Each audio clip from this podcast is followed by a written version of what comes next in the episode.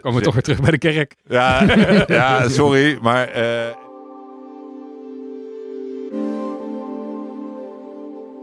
Je luistert naar Voer voor Verandering. In deze podcast gaan Io Notermans en Wouter Mulders een aantal experts aan de tand voelen over de transitiewetenschap. Want door transities naar duurzaamheid en rechtvaardigheid te begrijpen, kunnen we ze ook versnellen.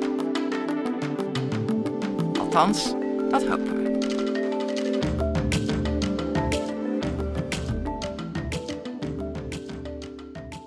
Welkom bij de vijfde aflevering van Voer voor Verandering. Eh, het is de laatste van dit seizoen. En eh, we hebben een hele speciale gast. Eh, we hebben misschien wel de laagste basstem in transitieland uitgenodigd. en toevallig is dat ook hoogleraar sociaal-economische transities en onze directeur, de directeur van Drift, Dirk Loorbach. Welkom. ja, hallo? Hoi. Boom. Je bent een van de, de grondleggers van de transitiewetenschap, maar ook nog de schepper van de X-curve. Dus we konden niet om je heen om ook met jou te praten. Eh, en het is altijd leuk om met een schepper te praten. eh, of met de schepper te praten. Nou ja, ik zou het niet de schepper noemen. Je bent niet de schepper van de X-curve. Nou, daar gaan we daar zo nog even op, op, op terugkomen. Want voordat we de, de X-curve als geheel even gaan bespreken, dat gaan we in een tweede gedeelte doen, gaan we in het eerste gedeelte vooral even nog eh, het laatste kwadrant wat we in de X-curve nog niet hebben besproken. Dat is linksboven. Dat is de ombouw. Eh, daar gaan we op in. Misschien gewoon eh, beginnen bij jou, Dirk. Wat is ombouw? Ja, die was toevallig nog over naar opbouw, eh, afbouw en voortbouw.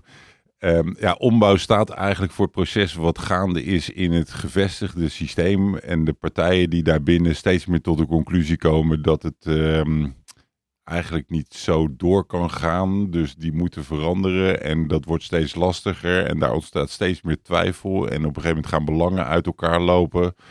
En eh, beginnen sommige partijen eh, vooruit te struikelen, zoals wij dat dan zouden noemen. Dus die denken, ja, oké, het bestaande kan niet meer. We weten niet goed wat de alternatief is, maar we gaan maar de andere kant op. En dan gaan andere partijen nog harder met de hakken in het zand, want die voelen zich bedreigd. En dan ontstaat er een soort destabilisatie, zeggen wij dan. Dus een ja, maatschappelijke onrust die de voorbode kan zijn van chaos. En in, in die context gaan gevestigde partijen allerlei verschillende strategieën laten zien om daarmee om te gaan. Dus ehm, gevestigde partijen, eh, die, die voelen aan het, het, het, het kan niet langer zo verder. En, en je zegt ze gaan dan vooruit struikelen. Eh, Sommigen. Sommigen. En wie, wie doen dat dan binnen? Want een partij kan een heel groot bedrijf of een grote overheid zijn. Wie doet dat dan binnen die eh, organisaties? Nou ja, zoals jullie eerder natuurlijk ook besproken hebben, het regime, dat zijn wij ook deels allemaal. En mensen denken heel vaak eh, aan een, oliebedrijf of zo, maar de, de, de overheid en regels en instituties, ehm, de, de, ehm, ja, de, de or- maatschappelijke organisaties, het onderwijs, wij zelf allemaal zijn regime. Ja. Eh, dus je kan dit ook bij jezelf merken, Ja. dat je nou bepaalde routines in je leven, eh, nou, die zijn heel gemakkelijk. Totdat de omgeving een beetje verandert. Of jij zelf verandert of allebei. En dan beginnen dingen te schuren. Of je denkt, ja, dat is toch wel ongezond. Of Mhm. eh, het wordt steeds duurder. Of ongema- en dan probeer je lange tijd daaraan aan te passen. Tot op een punt dat dat eigenlijk ook niet meer goed gaat. En dan moet je eigenlijk gaan veranderen. Dan weet je het rationeel. Maar praktisch zit je nog vast in je routine. En ja, dan ontstaat wat wij dan transitieruimte noemen. Een soort spanning en een soort chaosgevoel. Ja. En, en ja, sommige mensen, en dat zijn dan de meer ondernemende, ook binnen organisaties, Ja. die denken, nou oké, dan gaan we iets anders proberen. Leuk. Maar er zijn ook heel veel mensen die vinden dat dan toch eng. En die gaan toch in de weerstand. En die denken, nou, eh, kop in het zand en het waait wel weer over. En Ja. dan, eh, ja, Dus Ja. ombouw gaat dan dus eigenlijk ook dus om die eh, destabilisatie eh, en het gevoel van eh, frictie, dat je dus misschien ook wel zelf ervaart. Ja. Heb je misschien een voorbeeld ook nog in een, in een bepaalde transitie, misschien het sociale domein of het, de zorg en welzijn, eh, heb je volgens mij ook best wel ingewerkt. Nou ja, we hebben veel eh, eh, projecten die gaan dan inderdaad eh, over welzijn op lokaal niveau binnen wijken. maar we hebben ook een groot programma gedaan met dak- en thuisloze jongeren. En dat is ontstaan vanuit de opvangsector. Wat startte vanuit de opvang. Dus de partijen in de welzijnshoek die dak- en thuisloze jongeren opvangen. In Nederland hebben we nou, sinds 20 jaar houden we dat bij. En zijn er 12, 15.000 jongeren in Nederland eh, geregistreerd dak- en thuisloos. Zo. Dat is echt een topje van de ijsberg. In diezelfde periode, hè, die, die, het aantal, aantal jongeren is ongeveer stabiel. Maar is, zijn de hoeveelheid professionals die zich ermee bezighouden verzevenvoudigd en de hoeveelheid publiek geld die er naartoe gaat verdertienvoudigd. Jeetje. Dus vanuit de, in, vanuit de, opvangsector eh, eh, is, is, kwam dus steeds meer het inzicht van wij, wij, wij doen ons best om die jongeren op te vangen en perspectief te geven. Maar op de een of andere manier werkt het averechts. Het kost steeds meer. Eh, we zijn met steeds meer met, het wordt steeds ingewikkelder en, en steeds duurder. Terwijl die jongeren eigenlijk nog steeds dak- en thuisloos raken. Ja, en wanneer komt dan dus die ombouw, dus of die destabilisatie waar je het net over gaat. Nou ja, dus dat dit is, is, een eh, ongemak wat je eigenlijk opschrijft. Ja, dus dit is destabilisatie. Dus dat mensen vanuit het systeem zelf gaan zeggen van ja, dit werkt niet, we moeten iets anders. En, en, en een aantal dus bij elkaar kwamen en zeggen ja, we moeten echt op zelfonderzoek uit. Wij noemen dat dan een transitieanalyse. Maar dan ga je kijken, ja, waar, zijn we nou in terecht gekomen? En dan kom je tot de conclusie, we hebben elkaar een soort industrie gebouwd rond dak- en thuisloze jongeren en opvang. En daar moeten we, nou ja, we, eh, we hebben elkaar eigenlijk nodig. Dus dat houdt dat in stand. Ja, en dan van daaruit uh, kunnen in ieder geval een aantal partijen gaan zeggen: we moeten eigenlijk het heel anders gaan inrichten. Dus dan komt er een basisloon bijvoorbeeld, of dan gaat het over het recht op huisvesting. Doen. Ja. Ja. Dus, ja, en dus een aantal uh, proberen dat. Tegelijkertijd werkt de rest van het systeem nog steeds op de oude manier. Dus een aantal gemeenten zijn daarmee bezig maar heel veel ook nog niet. En ombouw is dus dat je, dat je eigenlijk niet wacht tot het je overkomt, transitie, maar dat je vanuit het systeem um, vooruit gaat struikelen. En je zegt dat doe je dan met andere uh, organisaties of met partners. Ik kan me voorstellen dat dat dan niches zijn. Hoe, hoe vind je die of hoe, hoe ga je daarmee samenwerken? Dat lijkt me nog best wel lastig. Nou ja, dat, is, dat, dat viel me eens op in de eerdere gesprekken ook. Dat er een soort, uh, sowieso vreemde jij de niches weer gelijk, uh, Wouter, als, als bottom-up uh, schattig klein.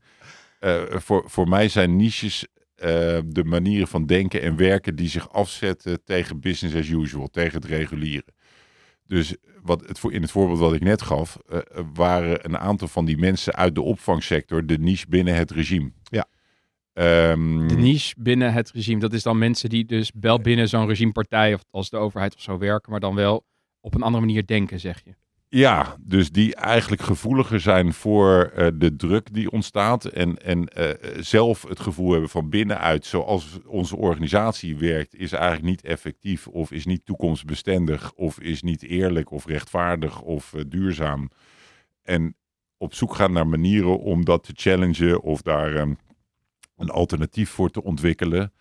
En als, als dat soort individuen, hè, in, uh, bij overheden hebben we het dan vaak over schoolambtenaren. Dus dat zijn de individuen die dan een beetje buiten de kaders weten te werken en zich weten te verbinden aan allerlei sociale innovaties. Daar hebben jullie het ook over gehad. Mhm. Um, Had ik daar wel het goede frame? Of ja, nee, dat, dat was al beter. Maar daar vroeg je tenminste gewoon, wat is het? Dus ja, dat ja, is, uh, um, maar dat, dat, uh, um, dat, dat, mensen van binnenuit de instituties of de gevestigde organisaties in staat zijn om buitenom mm -hmm. nieuwe manieren van denken, werken en organiseren te verkennen. Ja. En, en dat dan weer binnen weten te brengen in hun organisatie. Ja, niche binnen het regime. Die, die Ja. ga ik zeker onthouden. Ja. Dat we wel altijd de nuance hebben aangebracht van het regime is helemaal niet alleen maar een, Nee. een, een ministerie of een bedrijf. Dat zijn we allemaal. Maar de niche kan dus eigenlijk ook iedereen zijn. Ja, en dat is het mooie, want er zit namelijk ook regime in de niche. Dus daar, daarom, eh, daar, sorry Wow. voor al het jargon, hoor, dat is mindblowing. nee, nee, nee. Nou ja, ehm, kijk, heel vaak wordt dan de niche gezien als dat is bottom-up of dat is... eh, eh, en dat is per definitie goed.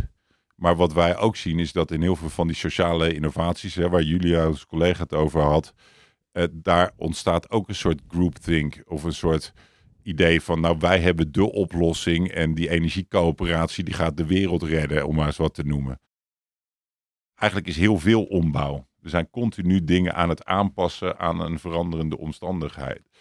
Het, het eh, interessant vanuit transitie is eh, dat we de vraag stellen ehm, hoe die ombouw op de lange termijn uitwerkt. Want als je puur ombouwt vanuit het bestaande, gericht op behoud van het bestaande, dan leidt dat dus vooral tot, hè, dat is dan optimalisatie. En dat, dat is vooral, eh, nou ja, eh, eh, systeemonderhoud en padafhankelijkheid. Sorry voor al het jargon, Mhm. Wouter. Ja. Ehm, als je ombouwt vanuit een, een langere termijn transitieperspectief, dan kan het op gaan tellen. Het begint eigenlijk altijd bij die constatering, die zelfreflectie. Zitten we nou niet op een onvolhoudbaar spoor? En um, om daaruit te komen heb je een hele sterke uh, positieve um, inspiratie nodig of visie. En dat, dat, dus dat is wel radicaal. Want dat, ja. Dat, ja, als, als het systeem nu niet goed functioneert, dan moet het systeem fundamenteel anders ja. worden om wel toekomstbestendig te zijn. Ja. Je maakt eigenlijk in de antwoorden die je geeft uh, automatisch de verbinding met de verschillende kwadranten eigenlijk in de X-curve. Dus misschien is het ook goed om even weer verder uit te zoomen en met jou als schepper of medeschepper van de X-curve te praten. Je zei in het begin al, uh, ja, ik ben niet de enige schepper. Misschien goed om eens te horen, hoe, hoe is de X-curve ontstaan? Hoe ben jij misschien op de X-curve gekomen? Um, nou ja, ik reageerde even op schepper, omdat dat suggereert dat je iets uh, uit het niets tovert. En het interessante van de X-curve is, is het is een visualisatie die ik gemaakt heb. Uh, inderdaad, met termen daarbij die, die heel erg uh, ontstaan zijn vanuit het werk wat ik eerder heb gedaan en wat we ook bij Drift doen. Dus ja, ik heb dat plaatje zo gemaakt. Tegelijkertijd is het een, een soort synthese van heel veel eerdere ideeën en een evolutie van heel veel eerdere gedachten. En nou komt een mooie truc van die, van die X-curve, is um, die, die is ook in ons gebruik van binnen ons onderzoek, maar ook binnen de toegepaste praktijk natuurlijk ook heel strategisch. Want door die X-curve te laten zien, gaan mensen nadenken over de transitie en welke transitie ze willen of waar ze zitten. En dat kan je, ja, daar kan je heel erg met elkaar uh, onderzoek naar doen. Je kan er gesprekken over voeren. En dat helpt mensen heel erg om in transitie te gaan geloven bijna. Mm -hmm. Dus om zich de transitie voor te gaan stellen en om ook na te denken, wat kan ik er dan aan doen? Ja. En dat is in zekere zin ook een hele interessante truc, want het is maar een plaatje, het is ja. niet echt. Je had het net over dat um, eigenlijk door met de X-curve aan de slag te gaan, dat het dan eigenlijk al een interventie is om over transitie en de mogelijkheid van uh, fundamentele systeemverandering na te denken. Heb je misschien een voorbeeld uit de praktijk waar wat dat heeft losgemaakt, misschien uh, bij een organisatie of een bedrijf? Um, ja, legio, maar de. Nee. Eentje die bij mij net opkwam was bijvoorbeeld het havenbedrijf, waar je dan intern uh, een, een uitgebreide ja. transitie uh, methodiek hebt ook toegepast. Nee, dat is, dat is wel dat is inderdaad een goed voorbeeld. Uh, kijk, dat, dat uh, de havenbedrijf Rotterdam, die hadden een, een, een hele prima duurzaamheidsstrategie vanuit de, een consultancy perspectief en vanuit het, uh, het ombouwperspectief wat regulier bij, bij het regime aanwezig is. Dus het verduurzamen van het bestaande. Um, met, met die X-curve en met een aantal scenario-oefeningen zijn we in, hebben we een, in een intern traject vooral verkend. In eerste instantie is dat bestaande model überhaupt toekomstbestendig als je uitgaat van klimaatverandering, geopolitieke verschuivingen, andere verrassingen, verwachte verrassingen, dus disrupties die je zou kunnen bedenken. En dat opende bij hen uh, uh, uh, een luikje, waardoor ze zeiden: hey, dat bestaande model, wat heel erg gebaseerd is op hele grote logistieke stromen, we slepen alles de hele wereld over, he heel veel fossiel op hele grote schaal. Um, ja, dat is eigenlijk misschien niet zo veerkrachtig. Um, en als er iets misgaat, dan, uh, dan wordt dat afgebroken. Of dan verdwijnt dat. En hebben we daar nou wel iets voor uh, in de plek? En toen vervolgens zagen ze van ja, we doen wel allerlei innovaties en experimenten. Maar we zien eigenlijk dat niet echt serieus als alternatief. En uh, vervolgens is de visie die eruit kwam veel meer een soort proactieve vooruitstruikelstrategie. Wij willen in de toekomst hier een haven houden in Rotterdam. Die nog steeds economisch productief is, maar die veel flexibeler is, veel diverser uh, veel duurzamer. Dus we gaan veel systematischer aan die opbouw werken. En we gaan proactiever eigenlijk die afbouw uh, in gang zetten door eindtermijnen te zetten op fossiel in de haven. Door met partijen te praten over de afbouw van bepaalde activiteiten. Um, dus die hebben eigenlijk uh, die hebben geholpen om uit hun optimalisatie te komen en veel ja, meer een soort strategie van eh, opbouw, ombouw en afbouw Ja. Te maken. En na te denken over, hey, wat als het helemaal anders zou gaan zijn. Als er geen fossiel bijvoorbeeld meer door de haven gaat. Ja, dus veel meer vanuit, ja, nee, dat zou- is dan de, typisch de voortbouw. Dus, maar dat begint dus bij je eigen sterfelijkheid eh, eh, serieus onderzoeken. En dan... eh, Komen we toch weer terug bij de kerk. Ja, ja sorry. Maar, eh, en dan, maar goed, een beetje een, een Oosterse, want je gaat naar een volgend leven. Oh ja. Mm. Eigenlijk, hoe wil je reïncarneren? Als dat, eh, ja. Nou ja, als dat de metafoor is. Maar eh, dus voorbij je eigen transitie kijken. En Ja. voor heel veel bedrijven is dat heel ingewikkeld. Want als, als je als bedrijf erkent, hè, neem een, eh, een KLM, om maar eens een eh, zijstraat te noemen. ook genoeg gesprekken mee. Maar die, die, ja, die durven dan toch niet eenvoudig aan om hun eigen sterfelijkheid serieus te onderzoeken. Terwijl vanuit mijn perspectief is dat dus de enige strategie die, die past bij transitie. Niet om jezelf gelijk op te heffen, maar om ruimte voor een veel evolutionairdere en rustigere transitie te maken. De X-curve als onderzoeken van je eigen sterfelijkheid. Ik heb denk ik nog een laatste vraag. Ehm, en dat is, je hebt eh eh, gisteren, eh, volgens mij tijdens het hardlopen, heb je al een paar afleveringen geluisterd. En je hebt nu dus eigenlijk ons samen met gasten de, de X-curve eh, horen bespreken. Wat ontbreekt er voor jou eh, nog? En, en stel dat we nog meer afleveringen zouden opnemen op een later tijdstip. Wie zou je daar nog bij willen hebben? Of wat zou je daarin nog terug willen horen? Nou, het is nu natuurlijk heel erg een naar binnen gekeerd eh, gesprek, zou je kunnen zeggen, binnendrift. Mhm. En inmiddels hebben we met die X-curve eh, heel veel transitiegesprekken overal georganiseerd. En het Ja. mooie is, het is zo intuïtief. Het helpt mensen hun eigen praktijk en dagelijkse context in perspectief te, Ja. te plaatsen. Dus ik zou het leuk vinden om ehm, eigenlijk zo'nzelfde soort gesprekken eh, te hebben, maar dan eh, met, dat, of dat jullie die hebben, met, met mensen vanuit de praktijken die we bespreken. Gasten.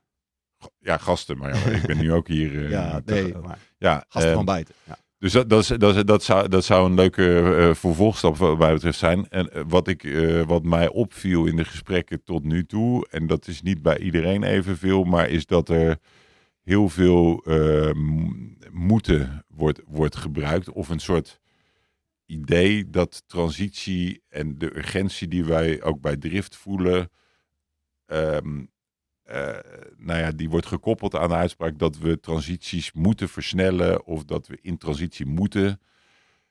Voor mij eh, kwam nog te weinig naar voren dat, dat transitie dus ook een soort neutraal concept eh, is. Of eh, als, Ja. wij, of, ja, als wij er eh, niet zouden zijn als, als drift, dan, dan is die transitiedynamiek er ook. Ja. Dus de vraag is veel meer hoe we omgaan met die transitiedynamiek die ons overkomt.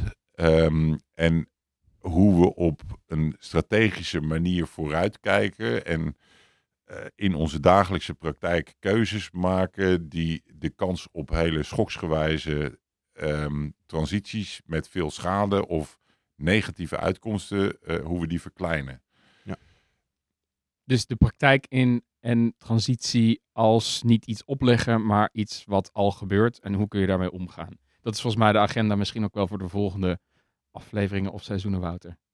Ja, dat lijkt me een hele mooie vooruitblik. Dirk, bedankt dat je hier eh, met ons wilde zitten en dit allemaal wilde bespreken. En ons nog een, eh, een paar extra eh, aantekeningen op de X-curve wilde geven. Graag gedaan. Ehm, en eh, ja, dat was hem in jou. Dankjewel. Eh dank Dirk en eh, dank Wouter.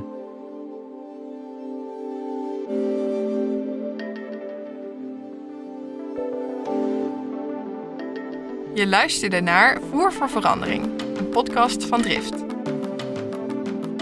Wil je niks missen? Vergeet dan niet te abonneren.